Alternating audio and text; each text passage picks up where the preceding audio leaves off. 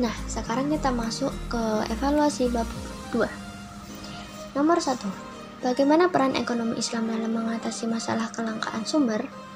Nah, distribusi sumber daya yang tidak merata antar individu atau wilayah merupakan salah satu penyebab kelangkaan relatif.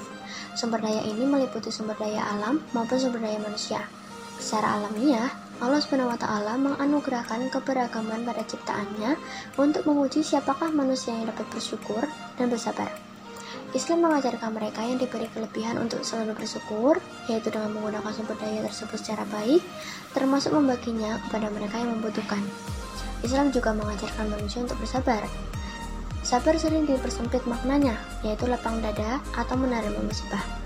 Sebenarnya, sabar menurut Islam memiliki arti yang lebih dalam, yaitu pantang menyerah dalam tiga urusan, yaitu sabar dalam melaksanakan dan menegakkan kebenaran, sabar dalam menjauhi dan mengajak meninggalkan maksiat atau kemungkaran, dan sabar terhadap musibah yang menimpa. Dalam tahap selanjutnya, peran ekonomi Islam adalah menentukan pilihan produksi, proses produksi, dan distribusi output untuk mewujudkan kesejahteraan umat atau falah. Soal nomor 2. Sebutkan dan jelaskan tiga pertanyaan pokok dalam ekonomi Islam. Peran utama ilmu ekonomi adalah memutuskan dan menentukan pilihan dari berbagai alternatif yang ada mengenai masalah pokok ekonomi. Yang pertama, apa yang akan diproduksi atau what. Yang kedua, bagaimana dan kapan diproduksi atau how. Yang ketiga, serta kepada siapa output akan didistribusikan for whom.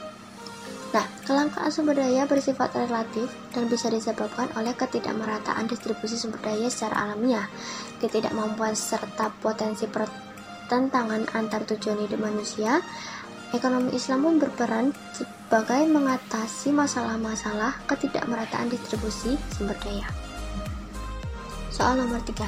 Sebutkan empat unsur pokok yang menjadi pembeda antara suatu sistem ekonomi Islam dan sistem ekonomi lainnya ada empat unsur pokok, yaitu yang pertama, kepemilikan dalam Islam, yang kedua, maslahat sebagai insentif ekonomi, yang ketiga, musyawarah sebagai prinsip pengambilan keputusan, dan yang keempat, pasar yang adil sebagai media koordinasi dan penyediaan informasi.